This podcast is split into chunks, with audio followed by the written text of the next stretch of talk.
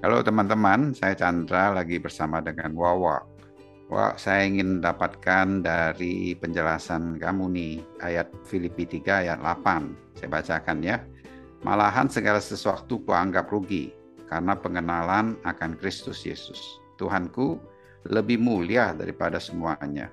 Oleh karena dialah aku telah melepaskan semuanya itu dan menganggapnya sampah, supaya aku memperoleh Kristus Wow, ini ekstrim sekali ya statement daripada Rasul Paulus telah mengenal daripada Kristus begitu besarnya dia melihatnya dan berharganya sehingga yang dulu dianggap sebagai sesuatu yang berharga eh tidak lagi ada artinya bahkan tidak bisa dibandingkan seakan-akan seperti itu.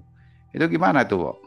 Iya, kemarin ini kan discussion soal ini uh, apa yang dianggap sampah oleh Paulus itu semuanya nge-refer kepada status dia sebagai suku Benyamin, misalnya salah satu yang suku yang paling penting di Israel, lalu uh, achievement dia yang yang sebagai rabi apa belajar dari rabi yang terkenal segala macam sampai dia berusaha sekali melakukan segala pengorbanan diri and so on and so on ya. Itu achievement dia gitu loh.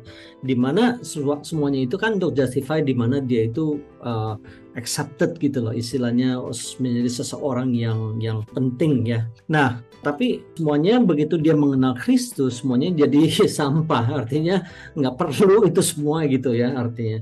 Nah, karena memang uh, kalau yang kita bicarakan kemarin ini bicara soal approach to God approach to God itu sebenarnya kalau kita sum together of everything itu cuma ada dua macam. Dua macam religion istilahnya kalau kita mau anggap itu sebagai religion. Ada dua macam religion aja di dunia ini. Yang pertama adalah religion yang banyakkan semua agama sekarang itu menganut bahwa kita itu harus berusaha untuk mencapai kepada surga istilahnya ya. Whatever that definition of of surga itu jadi berusaha untuk melakukan sesuatu, sacrifice diri, and so on and so on semuanya dilakukan supaya seolah-olah untuk justify diri, untuk diterima oleh atau di approve oleh quote unquote itu Tuhannya gitu ya mereka. Dan semuanya itu sama, itu approach-nya seperti itu.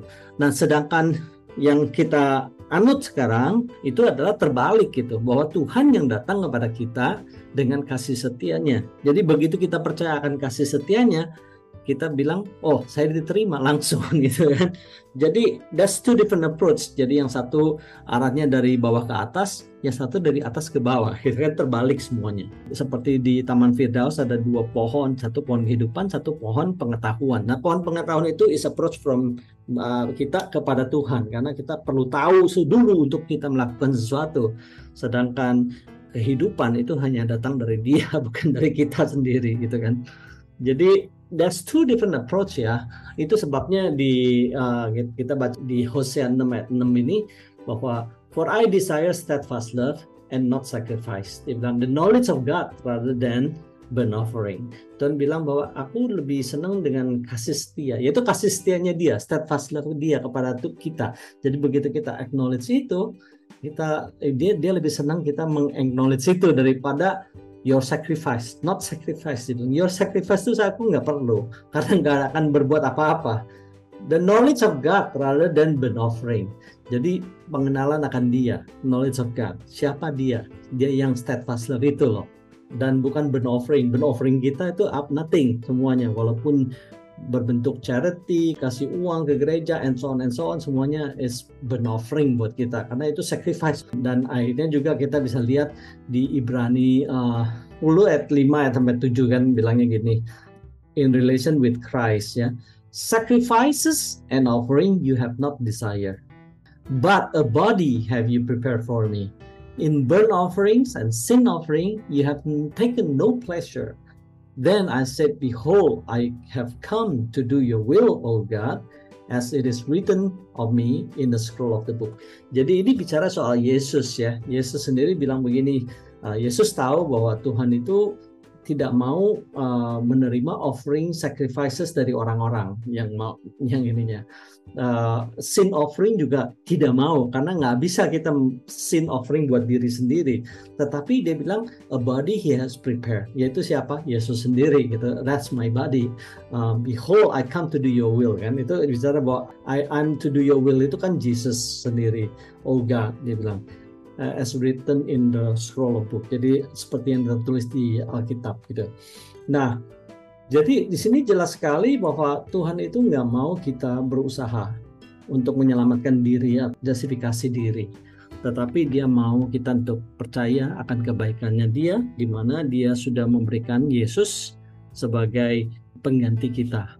Jadi kalau saya lihat ayat yang tadi Paulus katakan bahwa semuanya menjadi sampah karena nggak ada artinya semuanya. Yang berarti cuman datangnya daripada Tuhan setelah pengenalan Yesus itu, pengenalan akan Kristus. Gitulah. Wow. Intinya. Wow, terima kasih Bang untuk penjelasannya. Ini luar biasa sekali ya. Manusia untuk ingin berkorban kepada Tuhan tapi untuk membenarkan dirinya itu tidak mungkin ya. Uh, tapi justru Tuhan merasa belas kasihan kepada kita diberikan pengorbanannya yang sempurna yaitu Kristus sehingga bukan kita yang berkorban sebenarnya kita menerima pengorbanan sebagai kasih setia dia dengan mengingat seperti itu ya hati kita ya tentunya tidak lagi tertuntut ya tapi lebih terpenuhi dan kalau kita melakukannya pun karena ada rasa penyadaran akan kasih setia dia. Begitu ya, Wo? Ya. Oke. Okay. That's pengenalan kan dia itu yang terpenting. Yeah. Mengenal dia yang penuh dengan kasih setia, Stephas okay. tadi, hmm. yang mengenal dia yang mengirimkan anaknya Tuhan Yesus untuk kita hmm. dan kebaikannya dia. Itu pengenalan akan dia. Itu yang paling penting buat kita sekarang ini. Oke, okay, terima kasih Wo untuk sharingnya yang membukakan pikiran dan hati. Tuhan memberkati. Sampai ketemu lagi dari pertemuan berikutnya. Amin.